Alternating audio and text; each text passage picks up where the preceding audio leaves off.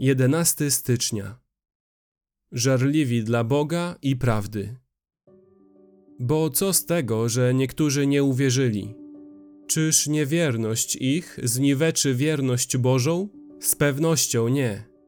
Wszak Bóg jest wierny, a każdy człowiek jest kłamcą, jak napisano, abyś się okazał sprawiedliwym w słowach swoich i zwyciężył, gdy będziesz sądzony.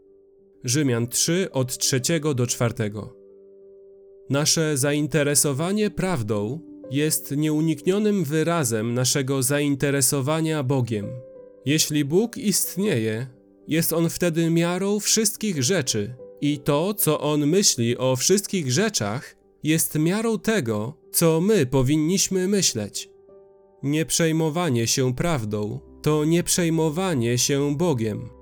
Żarliwa miłość do Boga to żarliwa miłość do prawdy. Bycie skoncentrowanym na Bogu w życiu oznacza bycie kierowanym prawdą w służbie. Co nie jest prawdziwe, nie jest z Boga. Rozważ te cztery zestawy tekstów o Bogu i prawdzie. Pierwszy. Bóg jest prawdą. Rzymian 3 od 3 do 4. Bóg Ojciec. Bo i cóż, jeśli niektórzy stali się niewierni? Czyż ich niewierność miałaby zniweczyć wierność Boga? Żadną miarą. Bóg przecież musi okazać się prawdomówny, każdy zaś człowiek kłamliwy. Jana 14:6 Bóg Syn. Odpowiedział mu Jezus: Ja jestem droga i prawda i żywot, i nikt nie przychodzi do Ojca tylko przeze mnie.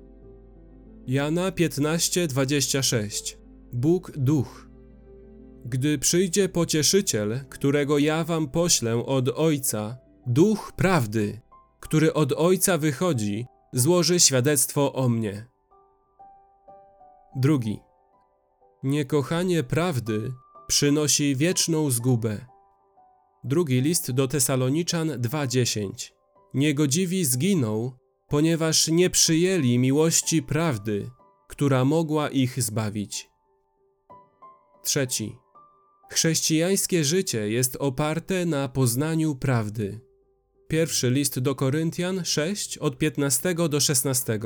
Czy nie wiecie, że ciała wasze są członkami Chrystusowymi? Czy mam tedy wziąć członki Chrystusowe i uczynić je członkami wszetecznicy? Przenigdy. Albo czy nie wiecie, że kto się łączy z wszetecznicą, jest z nią jednym ciałem? Czwarty.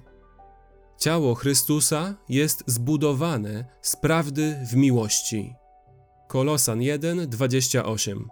Jego to zwiastujemy, napominając i nauczając każdego człowieka we wszelkiej mądrości, aby stawić go doskonałym w Chrystusie Jezusie. Niech Bóg uczyni nas żarliwymi dla Niego i dla prawdy.